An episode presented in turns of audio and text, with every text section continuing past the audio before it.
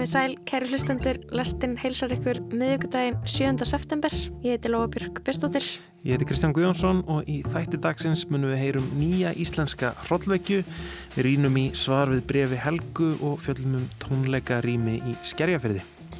Kvikmyndin Svar við brefi Helgu í leikstjórn Ásu Helgu Hjörleifsdóttur var frumsynd síðastliðin förstu dag. Nýr kvikmyndagaggrinandi lestarinnar Guðrún Elsa Bragadóttir rínir í svarið.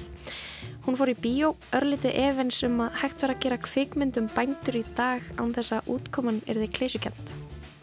Hvernig er hægt að fjalla um tókstreitu millir sveitur og borgar, sína allt þetta landslag og skeppnurnar sem það byggja, án þess að verði óbærilega kleysukent? Svar við brífið Helgu færir okkur að minnstakosti eitt svar við þeirri spurningu. Framtíð tónleika og viðbúraðhalds í posthúsinu og tómaríminu Gróskumiklum listarýmum í skerjafyrðinum er í hættu. Undarfartan daga hafa verið saðið að frettir að því að kvartanir nágrana yfir háaða séu ástæðan og tónleikum hefur því verið frestað og tíma bundið. Við ringjum í einn aðstandenda pósthúsins, Bjarnar Daniel Þorvaldsson. Það er svolítið skrítið einhvern veginn að fara af stað með eitthvað svona verkefni og, og fara inn í það með einhverju hugsunir um að gera eitthvað. Við erum bara hópur af listafólki líka, kannski alltaf lega að nefna það. Við, veist, við sem erum að skipulegja þarna við erum öll tónlistafólk eða, eða myndlistafólk að við erum öll að gera uh, okkar eigið skapandi dót um, og það er svolítið skrítið einhvern veginn að saminast undir þessu flaggi til þess að gera eitthvað svona verkefni og, vera síðan alltaf komin í þennan pakka. Ný íslensk hrollvekja verður frumsýnd á förstu dag myndin nefnist Mara á íslensku en á ennsku ber hún titilinn It Hatched. Við ræðum við leikstjóra myndarinnar Elvar Gunnarsson um bíomyndir, um áhrifin sem skilnaður hefur á eftirvinnslu bíomyndar og af hverju svona margar hrottveikjur fjalla um barnspurð. Sko tímabilið á undan það sem að maður er að verða pappi og, og svona það var alveg ótrúlega sérstækt og, og einnkendist svolítið að því að maður var að reyna að ná áttum á heiminum sko og bara skilja hvað þetta hefði för með sér og, og svona og maður svona týnir náttúrulega þessum, e, te, þessari tengingu við raunveruleikan sem maður hafiði áður sko. Við ætlum að byrja á menningar átökum í skerjafyrðinum um, Þar í yðnaðar húsnæði þar sem áður voru geimslur og eitthvað fyrir eh, skelljung undanferðin tvö ár hefur þar verið haldið úti ja, mikilvægt svona grásótar listastarfsemi Já, bæði tónleika og sviðslistarími. Einmitt, já, það er það sem er kallað posthúsið eh, sem er svona tónleikarími og æfingarími það sem er mikið af svona tilröðanakendri tónlist, indíljómsveitir um, að vera að spila. Eitthvað um reif þar og... Já, og... einmitt er af tónlist spiluð mm. líka.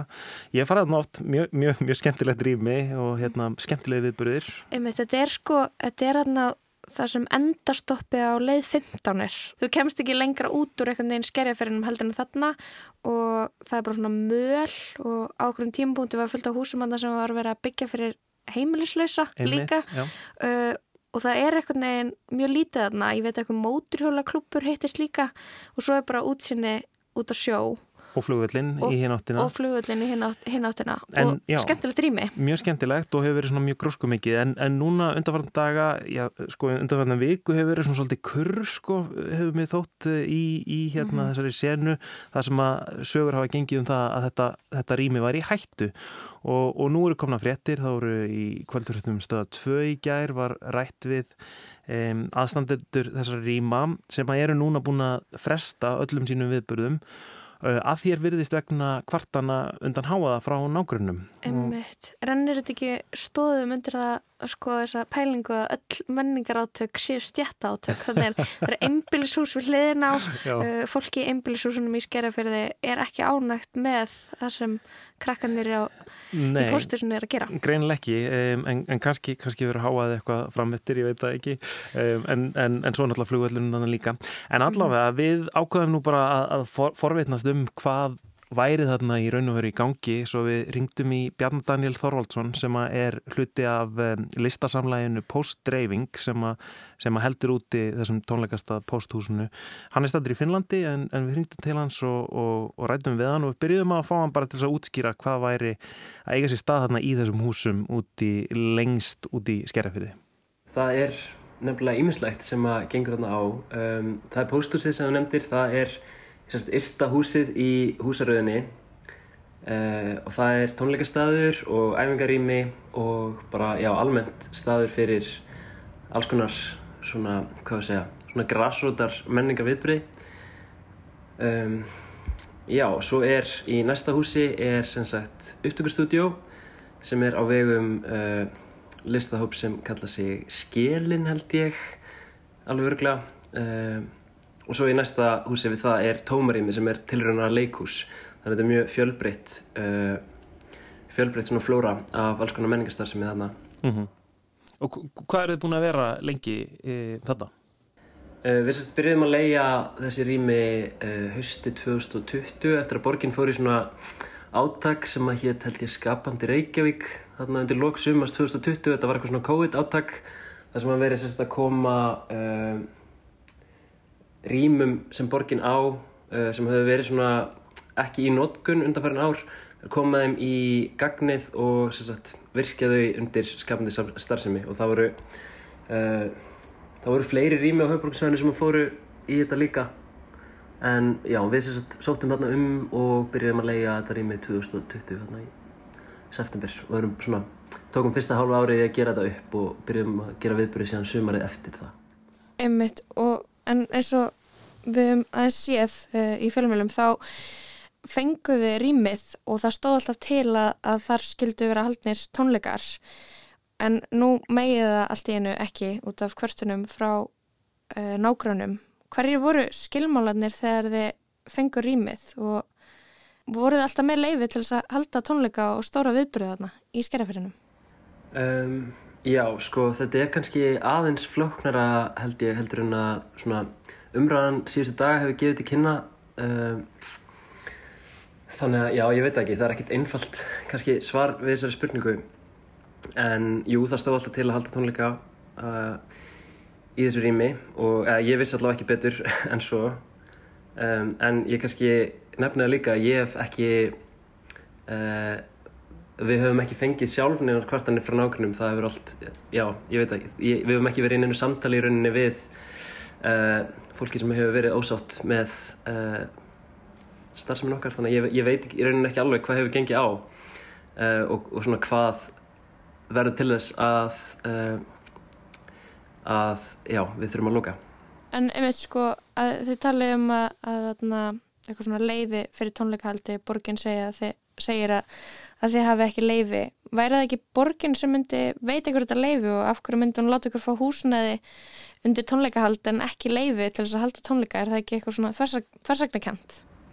Uh, ef það er raunin þá er það náttúrulega frekar skrítið en um, ég veit ekki, það er, uh, það er alls konar samtölu í gangi núna um svona næstu skref og ég kannski bara uh, treysti mér ekki alveg til þess að tegja á mig um það eins og staðan er núna hvernig, hvernig staðan er með þessi leifi eða þú veist, ég, já, ég er ekki með smáadri úr samlingnum okkar á hreinu. Þú veist, þetta, er, þetta kemur niður á eitthvað svona, eitthvað, eitthvað smátt litur sem að bara um, já, ég, ég, ég veit ekki alveg hvað ég á að segja. Mm -hmm. En, en þú segir að, að þið hafið eh, já, þið listafólki sem hafi verið að halda úti eh, starfsefniðan og haldið viðburði, þið hafið ekki fengið beinar kvartanir til ykkar frá nágrunum, þið hafið ekkert heyrt, heyrt í þeim vonandi það? Eða þeir, þeir hafa ekki sett í samband við ykkur? Nei, uh, nei, sérst ekki, það verður ekki verið svo leis en, en það hafa uh, við höfum lendið í einhver skipti að laurglann hefur komið eftir háaða kvartanir og uh, þá höfum við náttúrulega alltaf bara bröðist við með því að lækka á í einhverjum tilfellum slúta viðbyrjum snemma. Uh, og svo á tím, einhverjum tímapunkti tókum við ákvörðunum að uh, ljúka öllum viðbyrjum klukkan 11 til þess að koma til móts við þarfir nákvæmna þarna í hverjunu og meðan við verum að sagt, koma okkur upp betri hljóðin okkur þannig að við höfum alltaf reynd að sína tillitsemi Þannig að þið sjálf eru ekki í svona miklum samskiptum við nágrann eitthvað annað í skerjá uh, Ekki í sambandi við þetta, nei en, en ég get kannski nefnt það hér að við höfum farið í það núna á síðustu vikum að, uh, að hafa samband við fólki í hverjunu og reyna að koma af stað ykkur samtali um svona það sem við erum að gera og mikilvægi þess svona fyrir græsvöldamenningu á höfuborgarsvæðinu og já, bara í rauninni útskýra, fólki, útskýra fyrir fólki hvað við erum að gera og bjóða því að vera með. Og það er kannski bara svolítið sent í ræðsinn gripið að fara, fara að stað með það núna. Kannski er það bara okkar mistök að hafa ekki gert það fyrr. En uh, það var aldrei ætlunum samt að fara uh, í ykkur útistöður við nokkurna þarna á sveðinu og það stóð alltaf til að reyna bara að vera í góðu og þæglu samlífi við fólki sem býr í skerafyrir þannig að þetta er mjög leiðileg staða sem er komin upp núna sko, nú er þau búin að já, fresta eða færa alla viðburði sem að voru skipulaðir e, núna undarfarnar daga og næstu, næstu daga og vikur. E, vonist þið til þess að, að það verði hægt að finna einhverja lausn á þessu? Er einhver lausn í, í sjónmáli?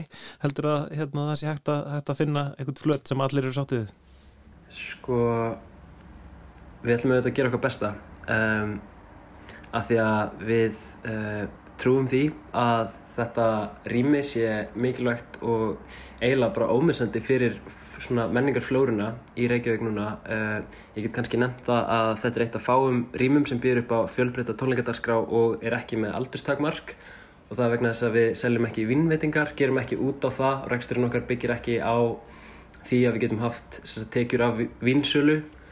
Um, það er eitthvað sem er ekki mjög mikið um þegar kemur á tónleikastöðum í Reykjavík núna.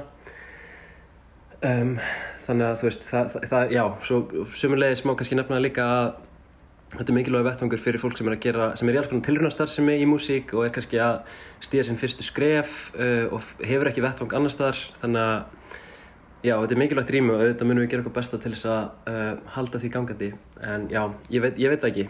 Um, það er kannski bara erfitt að segja hvert þetta fer. Það er, það er svona það er alls konar samtölu í gangi núna og vonandi finnst eitthvað laust en, en það er bara ómöld að segja. Mm. En hvernig er það svona eins og með framtíðina, hvernig sjáu þetta fyrir ykkur? Vitið eitthvað svona þegar þið fáið hennan leigursamlingi í hendunar hvað þið yfir höfu megi vera í skerjafyrinum lengi? Það kemur ekki beint fram í samningnum, nei. Uh, þetta er svolítið sérstakur samningur upp á þetta hvað hann er langur. Það er svona, það er mjög sveianlegt getur við sagt.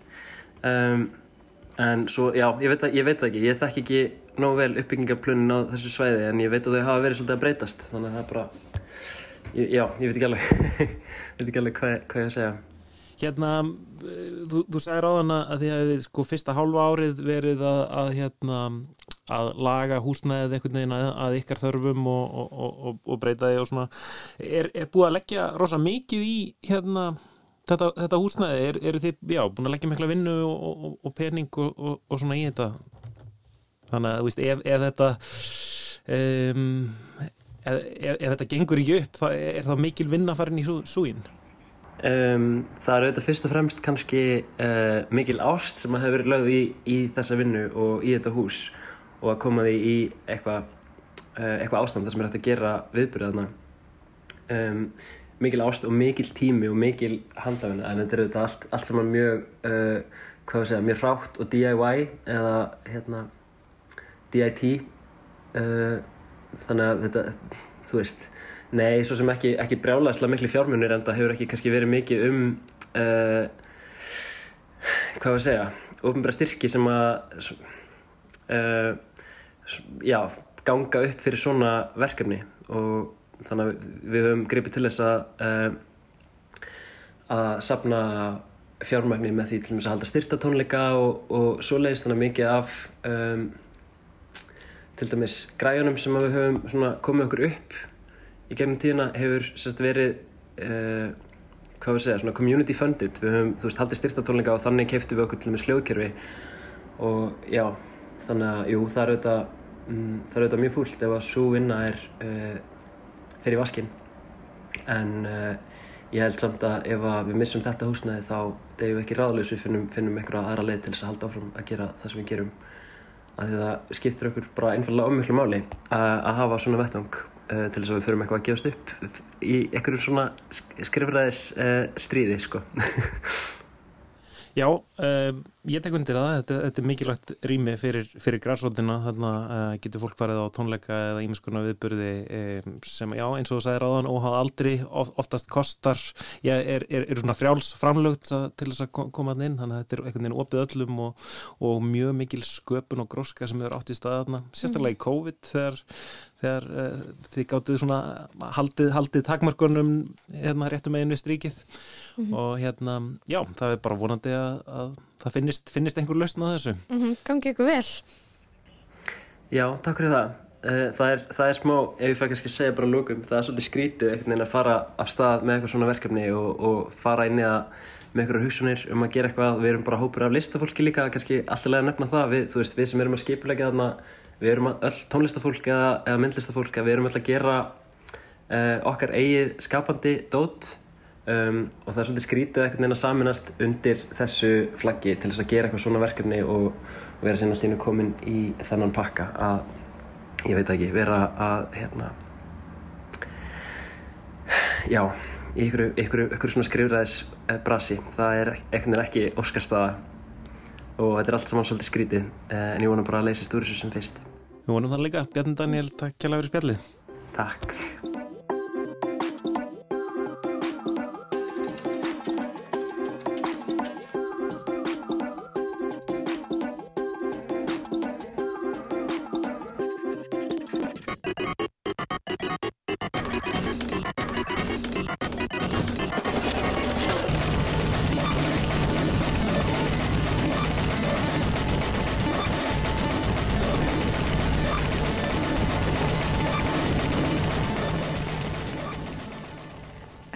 Óskarlag frá mér, þetta kemur frá póstrifingar fólkinu, þetta er lagið Kitty G, hver þungar voru róttunar, þær vóu 6 kíló þvílegar hlussur með Susan Cream Cheese. Ok, þannig að ef það er verið að spila þessa tónlist alveg rosalega hátt, þá kannski skilum maður fólkið í skerðinum ég, veit, ég veit ekki að þau ættu kannski bara að reyna að njóta. Ég mitt, þetta er auðvitað frábært tónlist. Um, Já, við sjáum við munum fylgjast áfram með þessu máli og sjá, sjá hvað verður, vonum auðvitað að þessi rými fái að halda áfram, þessi rými fái að halda áfram að, að vera til, vera til. Já, en við ætlum að snú okkur að uh, kveikmyndum Já Guðrún Elsa Bragadóttir, hún er nýr kveikmyndagagrænandi lestarinnar. Hún fór á svar við brefi Helgu sem var frumsynd um helgina og flyttir okkur pistil um myndina.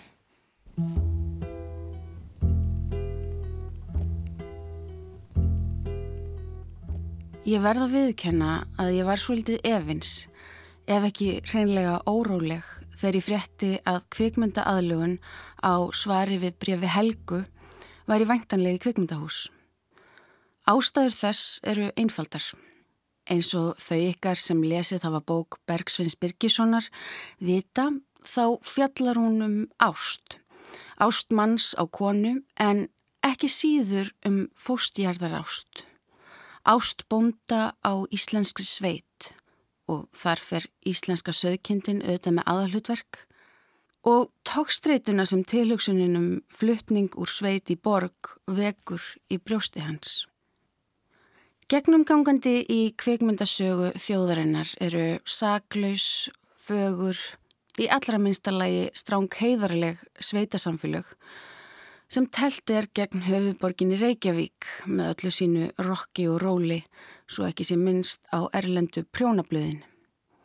Nægir hér að nefna síðasta bæin í Dalnum, 79 af stöðinni, land og seni, atómstöðina, börn náttúrunar og óðal feðrana, þótt að halli kannski frekar á sveitina í þeirri síðast nefndu. Svo ég haldi aðeins áfram að ræða kvikmyndaumhverfið íslenska, þá verðust við ekki geta staðist fristinguna að fjalla um bændur. Á samhátt og bandaríkjaman elska að segja sögur af þokkadísum í kynlífsvinnu og vöðvatröllum með bissur. Hér neyta ég því ekki að fjöldi Íslandinga eru bændur en við verðum samt að horfast í augu við þá staðrind að yðnaðarmenn eru allavega fjórusunum fleiri en bændur hér á landi þrátt fyrir merkjanlegan skort á kveikmyndum um þá ágætu stjætt. Því hlýtur það verkefni að gera kveikmynd um íslenskan bonda að vera flókið á 21. öldinni. Hvernig er hægt að fjalla um tókstreitu millir sveitur og borgar, sína allt þetta landslag og skeppnurnar sem það byggja, án þess að verði óbærilega klísjukent. Svar við brífið Helgu færir okkur að minnstakosti eitt svar við þeirri spurningu. Það er nefnilega með mikill gleði sem ég vil hvetja ykkur, kæru hlustendur, til að bregða undir ykkur betri fætinum og fara í bíó á svar við brefi Ásu Helgu Hjörleistóttur. Sér í lagi ef þið hafið áhuga á kveikmyndum og þeim eiginleikum miðilsins sem virkja má til að miðla frásögn og hughrifum. Einn stærsti kostur myndarinnar er framistaða leikarana sem gæða sögupersonur lífi með afar sannfærandi hætti. Þorvaldur Davíð Kristjánsson fer með hlutverk Bjarnar, bóndans sem býr á kolkustöðum með eiginkonu sinni unni, sem Anita Brím leikur með harmrænum þunga sem letar hverja hreyfingu hennar inni á hamingju snauðu heimilið þeirra. Herra Hilmarsdóttir fer með hlutverk Helgu, konu sem býr á næsta bæ með börnum sínum og eiginmanni, Hallgrími, sem Björn Tórs tólkar á eftirminnilega grátbroslegan hátt í myndinni. Hjónin á bæjunum tveimur eru óhamingisum, hvert á sinn hátt og svo ólukkulega vill til að Helga og Bjarni verða ástfangin. Dragast hvort að öðru og upplifa óstjórnlega hamingju saman þótt að vari kannski ekki lengi. Heru og Þorvaldi Davíð tekst að miðla sterkum og oft flóknum tilfinningum í líkamleiri nánd sem ég man ekki eftir að hafa orði vitni að áður í íslenskri kvikmynd. Það getur ekki verið auðvelt að aðlaga bók eins og svar við brefi Helgu. Ekki bara vegna þess að hún fjallar um bónda í tilvistarkrísu. Frásögnin í verki Bergsveins Birgissonar er kannski grýpandi en galdurinn býr í stílnum. Höfundur treystir lesendum til að meðtaka tyrfið tungutak, orðfæri sem hlýtur að vera framandi borgarbörnum og miðbæjarróttum sem aldrei hafa hitt forðageimslumenn á vegferðsinni um Mjótt og Hamraborg, aldrei fengið Facebook-invite á töðugjöld á meðu södra bjórin sin á príkinu. Þetta traust Bergsveins endur speiklast í trausti ásuhelgu á áhörvendum. Í stað þess að láta kvikmyndina lúta lögmálum bókmyndaverksins þýðir hún textaverksins yfir á kvikmyndatungumál og sínir, frekar en segir okkur hvað sé nákamlega gerast. Tungumálið hefur nefnilega annars konar virkni í kvikmynd en í bók. Setning sem er eðlileg í fyrstu personu frásögn í formi sendibrjefs er þið undarlegur munni personu í kvikmynd sem er einhvern veginn alltaf hér og núna. Auðvitað væri alltaf hægt að nota sögumannsrött sem færi með hugreiningar gamlamannsins á meðan senurnar liðu áfram frammi fyrir augum okkar. En þá væri kvikmyndin ekkert annað en myndskreiting við texta og þar með óþörf. Dýrkeiftur út úr dúr við fullbúið verk. Þessi aðferð að sína, frekarinn segja, enginn er myndina alla. Sögunni vindur fram í vandlega völdum augnablikum sem mynda saman merkingar bæra heild. Þegar myndin er svo til nýbyrjuð sjáum við fólkið í sveitinni á réttarballi.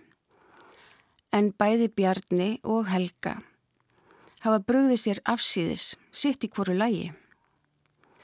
Þau mætast fyrir tilviljun og rölda tilbaka í partíið saman, án þess að átta sig á því hvernig það kunna líta út. Aðrir balgestir taka þó eftir því og byrja að stinga saman nefjum ef vel er að gáð.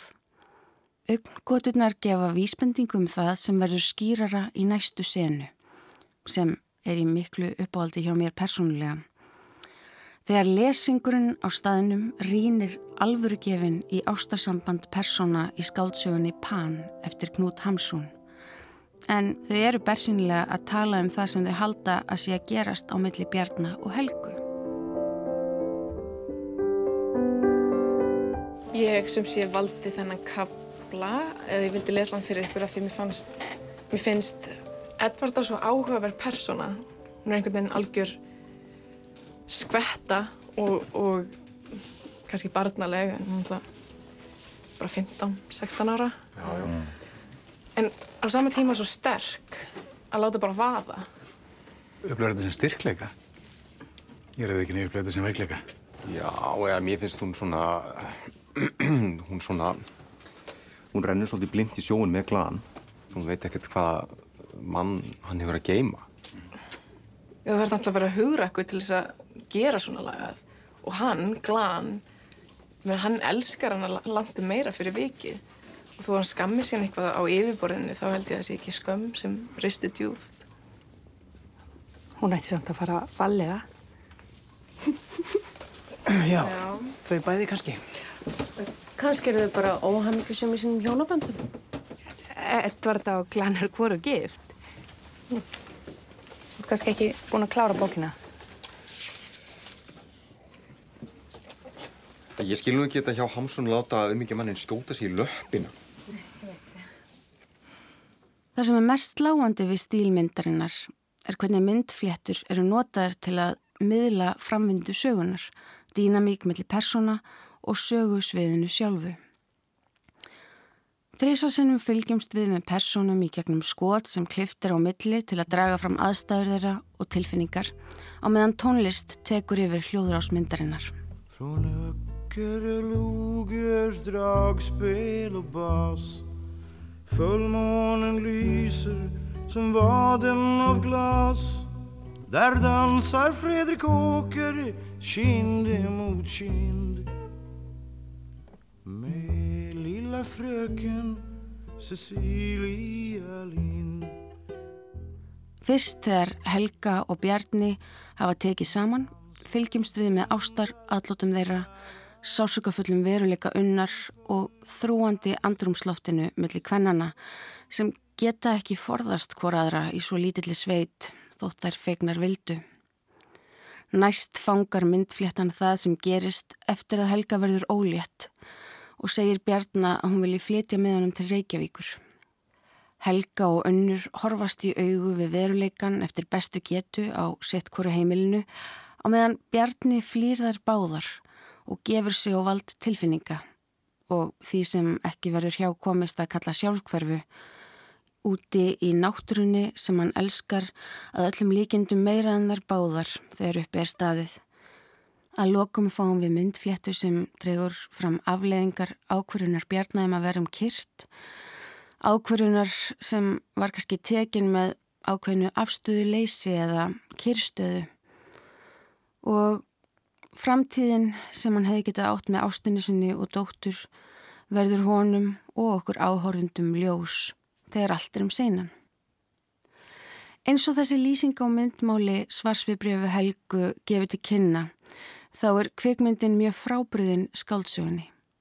Því vil ég enda þennan pistil með því að draga aðtegli að því hversu vel Ásu Helgu tekst að aðlaga bókmyndaverk sem er skrifað að öllu leiti frá sjónarhorni Karlmanns sem er einn til frásagnar um þessa miklu og flóknu ástasögu þótt lesandi geti vita skuld lesið á milli línana og tólkað að vild.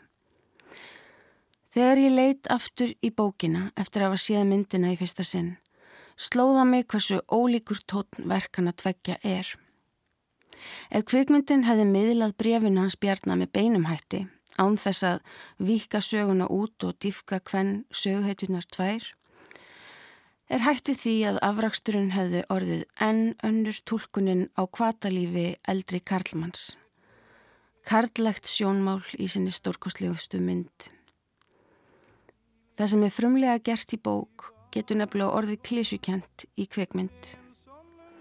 En blessunlega tekst þessari kvikmynd að gera eitthvað alveg splunkunýtt og spennandi úr efni sem hefði svo auðveldlega getað orðið óinnblásið tilbriði við gamalt og þreytulegt stef. Og stjärnorna vandra och timmarna fly Och Fredrik är gammal men månen är ny Ja, Fredrik är gammal men kärlek är blind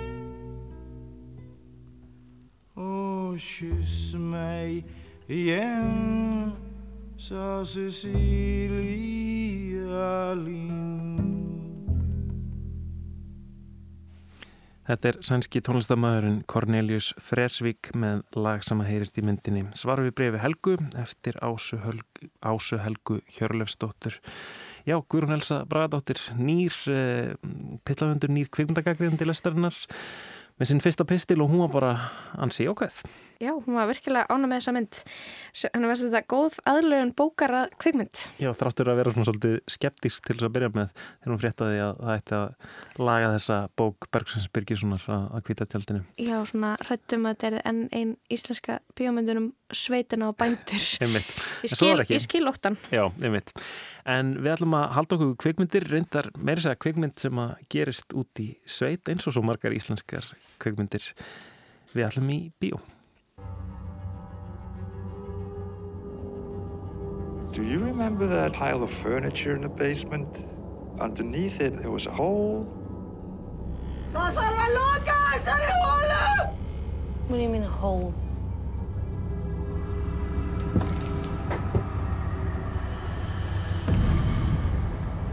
Peter?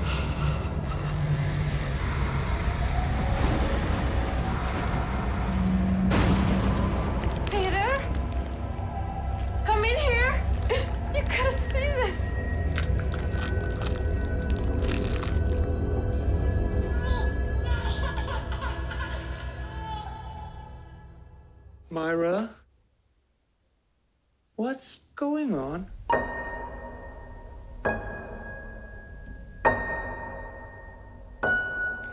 Á förstu dag verður frumsýnd ný íslensk hryllingsmynd It Hatched mynd sem að var um, já, uppröðulega frumsýnd á Austin Film Festival í, í fyrra hann kemur núna loksins til Íslands um, hann er sestur í há mér leikstjóri myndarinnar Elvar Gunnarsson.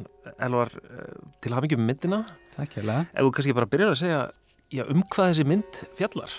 Um, Já, myndin fjallar um hann Pétur og hana Mæru sem að flytja frá uh, Tennessee í bandaríkjunum til Íslands, vestfjörða til að opna uh, gistemili fyrir túrista. Um, áformið þeirra eru svona áformið þeirra er svona snöglega eða taka svona skyndilega sveif þegar hérna þau finna hólu í kellaranum og upp úr hólunni kemur Mara og stuttu síðar verpir Mæra eggi síðan klegst það egg og úr kemur heilbriðt barn og þurfa þau að díla við það vandamál Einmitt. Þetta er nú, þetta er svona hérna þekkt stef kannski úr hérna hryllingsmynda sögunni hérna einhvern veginn barnegnir sem eitthvað svona hérna, myndin byrjar á, á samtali við lækni þar sem er rættir um ófrjósemi Já. og svo er, er ógnin svona einhvern veginn kjarnast í þessu barni. Já, það er bara mikið til í því. Þetta eru svona þekkt minni náttúrulega úr bæði hróllviki sögun eða hérna, sögur hryllingsmynda en líka svona þekkt í kannski skandinavisku minni þar að segja að það eru með möruna líka og, og svona uh, já, einhvern veginn svona barn sem að kemur einhverjum svona mm, öðrum heimum en bara okkar heimi um, þetta er náttúrulega þekkt stef í, í uh, myndu frá 8. áratöknum eins og bara í Razorhead til dæmis og svo náttúrulega líka aðra myndir eins og Possession og Rosemary's Baby sem mm -hmm. Fjallum þetta og uh, vísvitindi er alveg að fara inn á uh, þær slóðir um, en já, en hérna en myndin er svona dílar aðeins öðruvísi við vandamálið en, en uh, það er myndir sko, þetta er svona mm. reynd að finna allavega nýja. Nýja hérna, nýtt tvist á þetta allt saman. Einmitt. Já, þetta er góða punktur. Þetta er alveg úr, hérna, alveg úr, úr þjóðsögunum, þá eru ímsa þjóðs, þjóðsagna verur sem eru einhvern veginn um, já, byrtast svona einhvern veginn ógumannlega einhvern veginn börn sem eru öðru í sendu eiga að vera eða haga sér og annan háttu að vera. Og einmitt við þekkjum þetta úr hróllveikju sögunni og, og, og, og úr svo sem ímsum, ímsum áttum. Já. Um, hvað, hérna, hverju heldur þetta sé? Hérna, er, er, er þetta eitthvað sem þú, þú hérna, þú, þú tengi við einhvern veginn, þessi, þessi ó- ó- ógn sem fælst í óléttunni? Um, sko, já, mögulega. Mér, svona, þegar, þegar kemur að íslensku hliðin í þessu öllu saman þá er umskiptingar frá hulduheimum eru náttúrulega er eitt af því ógmænlegasta sem að maður man eftir úr barnæsku. Það er svona, þetta er náttúrulega mjög hrollveikandi eh, allt saman, en ég sjálfur uh, hef já, mest eða svona stærsta hluta minni æfi verið faðir. Ég eignaðist barn 18 ára og um, það var áhugavert ferli og það er í rauninni það er náttúrulega mótandi áhrif á mann og uh, breytti manni alveg í kjölfarið af að ég bara Mhm. að verða pappi en sko tímabilið á undan það sem að maður er að verða pappi og, og svona það var alveg ótrúlega sérstakt og, og hér, einkendist svolítið að því að maður var að reyna að ná áttum á heiminum sko og bara skilja hvað þetta hefði för með sér svona. og, og, svona, og maður svona týnir náttúrulega þessum, eh, þessari tengingu við raunveruleikan sem maður hafði áður sko. og, og þetta er, al, já já, algjörlega Einmitt, þetta er náttúrulega, einmitt, það það er eitthvað svona óvissa, það er eitthvað allt mun breytast. En, en svo náttúrulega er þetta líka einhvern veginn í eðli sínu að, að það verður einhvern veginn til að, að því að virðist úr engu það hérna, líkami konunar umbreytist og allt í henni eitthvað inn í líkamannum einhver, einhver önnur vera. Þetta er svona, ma maður skilur af hverju þetta verður kveikjana að ýmsum hryllingsmynd Já, já, einmitt. En hérna, en segðu mér nú frá annari fæðingu, bara fæðingu þessari myndar. Þetta, þetta hefur verið svolítið löng fæðing, eða ekki? Svo sannlega, svo sannlega. Ég hérna, eh, við, förum í tökur á myndinni 2015, þannig að það eru sjö ár síðan og, og tökutímabili var kannski svolítið teikt og sögum þess að uh, fjár, fjármagn var takmarkað og, og uh, þannig við höfum að fara svona Þetta er low budget mynd Þetta er low budget mynd, já. Gerð fyrir lítið penning lítið pening alveg klálega og, og bara svona reynd að gera e, svona gamaldags bí og töfra úr í raun og veru litlu. Þannig að þyrfti svolítið svona að vera svolítið kreatífrið að koma því að bara skipulegja myndina. Og uh, það endaði í svona tegðu tökutíðanbili en aftur á móti var uh, eftirvinnsluferli líka kannski uh, þingra heldur en maður hefði kannski vonað sökum bara já, takmarkas fjármaks og, uh, og svo leiðis um, og svo náttúrulega einnig þá frumsýnduð myndina fyrir árið síðan þannig að Mhm. þetta er hérna, já, búið að vera langt tíma löngfæðing, mjög svo. Hérna, þetta, þetta er þín fyrsta mynd í fullri lengd, eða ekki? Þetta er fyrsta myndi mínum fullir lengt, já. En, en þú hefur verið, lengi í, í þessum bransa, eða ekki? Jú, maður er bara svona skrítið að segja það, maður er eiginlega bara uh, svona stóran hluta stóran hluta minn æfi hef ég verið að gera mynd. Mhm. og hérna og svona hálf súrealíst þegar uppi staðið að maður endaði svo á því að uh, gera sko skrýmslamynd sem var kannski ekki alveg beint að því að hefði búist við svona í byrjun sko. Og alveg uh, já, svona áhugaður hvernig það þróaðist og kom bara aftan að manni.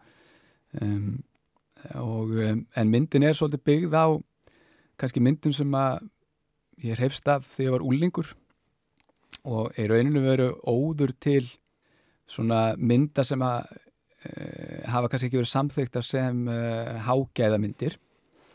En enga síður myndir sem að höfðu áhrif á mann og maður hrefst með sko, þrátt fyrir stimpilin sem það höfðu. Mm Já, þetta er náttúrulega, eða, sækir kannski í svona, bíamynda hefðina einhverju leiti. Algjörlega. Og, og það náttúrulega hefur uh, í, í þessum hrollveikjum þá náttúrulega hafa, já, oft, oft verið vera að vinna fyrir mjög lítið fjármagn og þá er einhvern veginn farið skapandi leiður og, og, og jafnvel verður, sko, já, peningaleysið að einhverju svona, það er reynd að gera einhverja ákveðna fagufræði og, og bara digð úr því að, að vera, ekki, vera, vera ekki með mikið fjármagn. Algjörlega og við erum svona, það er náttúrulega praktískar teknibrellur í þessari mynd sem að náttúrulega kalla á uh, ja, svona, ég kalla á það að þurfa að hugsa út fyrir kassan og, og reyna að framkvæma eitthvað stórfenglegt töfrabrað fyrir uh, takmarkaðan fjármagn og bara með snæri og smá teipi eða eitthvað sko.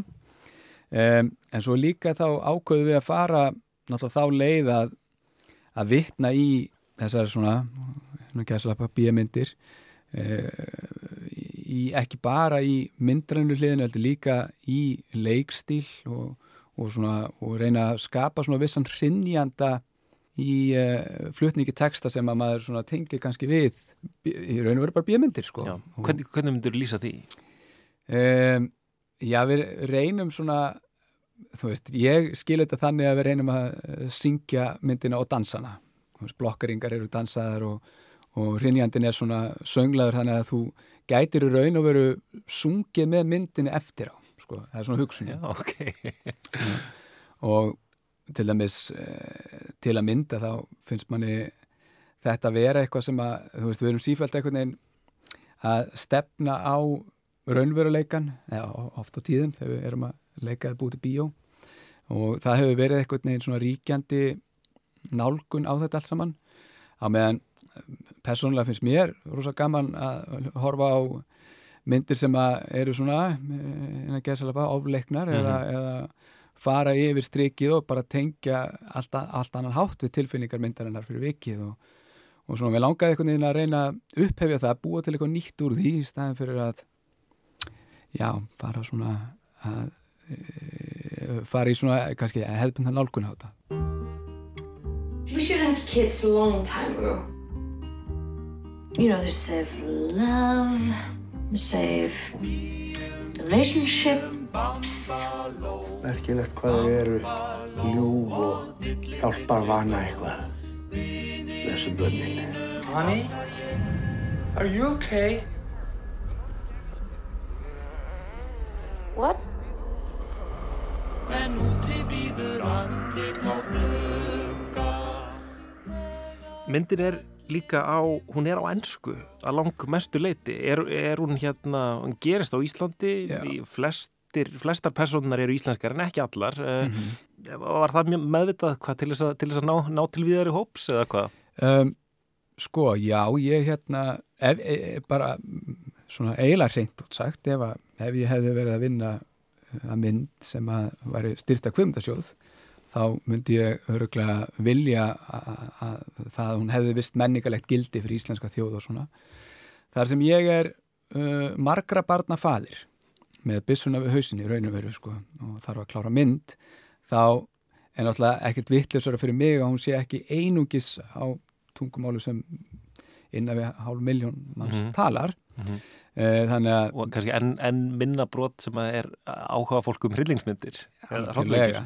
Þannig að, þannig já, við hugsaðum að og líka bara það að við erum að vitna í myndir sem gerast á ennsku. Við erum líka að vitna í myndir eftir evróska leikstjóra sem eru gerast á ennsku líka og, og um, þannig að þetta er svona, okkur fannst þetta bara að vera eðlileg nálgun á mm -hmm. það við fórsefni. Og hafið, hefur verið að sína, hún var frumsýnt í fyrra á Austin Film Festival, Hef, hefur verið að fara með hann eitthvað út og kannski á okkur svona, hróllviki háttíðir eða þannig? Eða já, hún er búin að vera túra háttíðir mm, og um, það hefur bara gengið vel, um, hugsaðlega hefðu ótt að gera meira því mögulega en, um, en aftur á móti þá bara fór svolítið mikil tími senasta ári í að selja myndina líka mm. og undirbúana fyrir dreifingu og svo framvegis og þess að er lítill hópur sem stendur að gera myndarinnar og, og, og svo leiðist þá já, fór mikið, kannski getur þú sagt mikið púður í þetta að gera hana svona presentable á alþjóða markaði sko mm -hmm. um, en gekk vel bara á þeim hátíðum sem við ákveðum að fara á og okkur að búið á og svona og um, Þetta er svona, nördin verðist alveg verið að taka vel í þetta. Já. Það er svolítið gott. Ég mitt. Hérna, eh, Elvar, segðu mér, um, ég sá, sá í einhverju viðtali að þú hefði staðið skilnaði á meðan þú varst að, að, að klára myndina um, sem hafið svona verið svolítið sérstætt ástanda því að, að því það er fyrirhandi einkonaðinn sem leikur hérna aðal höndurkið. Já, þetta er náttúrulega áhugavert út af myndin náttúrulega er gerð á svo rosalega laungu tímabili að það er náttúrulega fjölmart búið að gerast á þeim tíma eðlega og, og merkilegt hvað maður stendur uppi hérna, eða stendur eftir allt annað maður en maður var þegar maður fór í ferlið. Um, og um, já, við hérna ég og Vivian að leikuna myndarinnar, við vorum vorum gift og, og eftir hjónabandi þá stöndum við eftir með börn sem eigum saman og ekki bara börn, heldur líka þessa mynd Já. sem að held ég sé nú meir en mjög mörg hjó, hjónaböld geta sagt sko. En já, myndir er komin hérna, verður frumsýtt núna á föstudag og, og forsýningir í kvöld hvernig svona tilfinning er það að, að fara að forsýna myndina fyrir, fyrir Íslandinga? Það er Vini og vandamenn. Það er áhugavert um, það er náttúrulega eitt uh, ég, ég bý hutan, ég er rétt fyrir þetta Reykjavík og um, ég er nú aðalega bara í sveitakirðinni, það er mitt líf.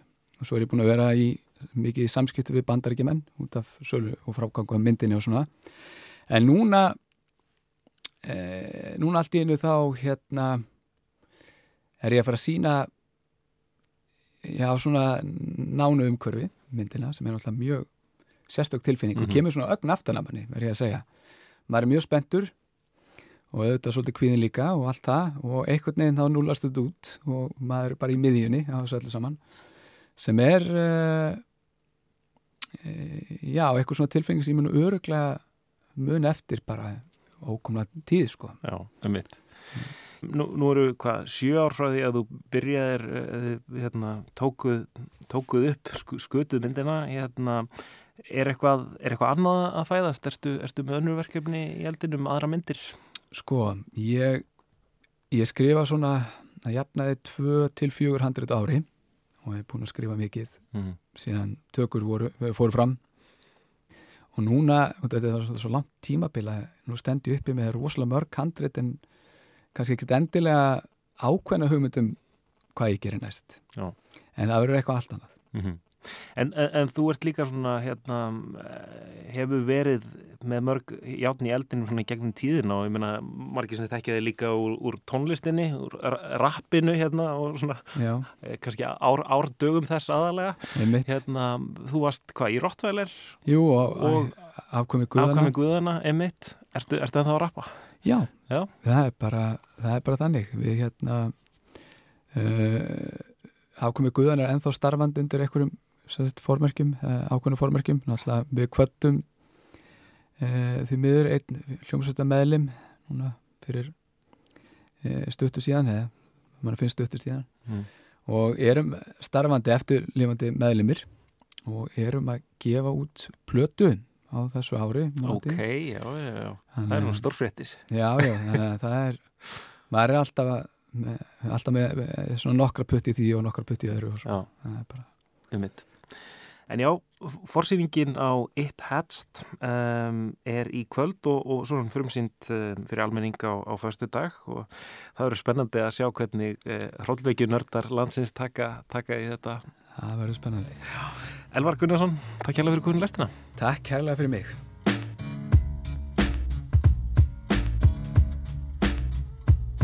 Mér vandal, freyri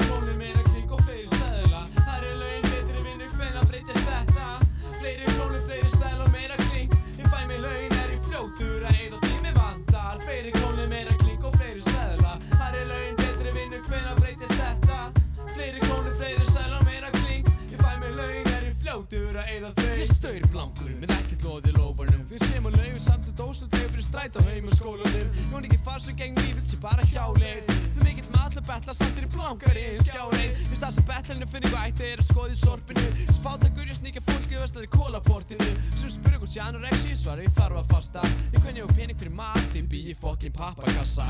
Ræna frægur appar þá græði pening. Þá getur kipt með mingpelsa nú fer þið hjálpa í þau seri Hitt fát að fólkin ekki sjafnast á við mig. Frótt í bakverð spurur hvort ég fengi einhver gammalt að hálfverði þreyt og spila frí en bjór. Ég vonum frægur rappar nafn okkur ykkur tíma stórt. Og það taka plötu sílandið, förum við stúdíu síland tómt. Í kæru stundinni, alls í stóri byrt Satt á ég ekkert eins í borðast einstu viku var Hóri mitt, ég vil Lexus. Við spyrum lötur engin smásmíði. Við dreymir um þetta að ég borða nóna bytt í alla máltíðir. Mér vantar fleiri krónir, meira klink og fleiri seðla. Það er laun, betri vinnu, hvena breytist þetta?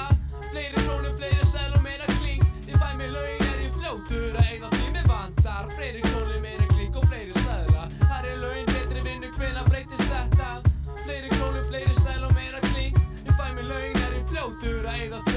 pappa ekki pening frá ekki ná að stoppa. En eins græðar æg fleiri Lána drotna við spilum frí frían bjór. Get ég sagt um grætt vel? Hvað ég gerist þannig að sjöðsöld Först skap Budweiser? Næstu spilum það eitt vallur undir bjóða barn. Kanski skipta um skoðan og borga okkur krónu í staðinn. Ég er ekki fátaður hingur sem chipa þó. Hann gengur ándur í ekki og gemna striga skó Við að falla í því aldrei verið svo góður í Frí vesk mömmun og brýt spari bauk bróði minns Akkur heldur þeim sem no budget er vel stæður? Við köfum tækin út í því en lengur stelu græjum. Við eigum út gera hittur allir að spila það. Þannig að öll stefgjöldin borgar fyrirfram Ef ekki efna rappleikum með þetta penn og blað Ætli við frístæmgi næstæp kunna að skrifa textana. Sem segi líkst messist og við þann á rímuna. Þannig aukst oft í peningu viltu með með vaka smá skífuna. Fokk rapp sem meika það mér á það göduna Spóir hingi dóra byggja hjálp maður búið líka rottvæli blötuna Mér vantar fleiri krónur, meira klink og fleiri sæðla Her í laun, myndri vinnu, hvenna breytist þetta? Fleiri krónur, fleiri sæðla og meira klink Ég fæ mér laun, er ég fljótur að eigða því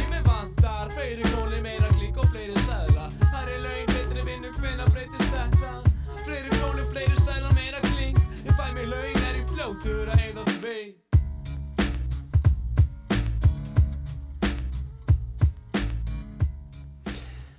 Þetta er lagið Mig vantar með hljómsveitinni Afkvæmi Guðana af plötunni Ævisögur frá árinu 2002, 20 ára snild þarna og þarna er það. Elvar Gunnarsson, kveikmyndagerðamæður sem er í einu aðal hluturkinu stofnandi þeirra sveitar en þá kallaði hann sig Seppi. Einmitt, var hann ekki í einhverjum fleiri hljómsveitum eða? Hann var alltaf í Rottweiler um, á tíma og, og svo stofnaði hann Afkvæmi Guðana, ég veit ekki nákvæmlega meira, en Afkvæmi Guðana eru ennþá að gera tónlist, þeir eru afturfærðin að gera tónlist eins og, eins og hann sagði, sagði mér Elvar.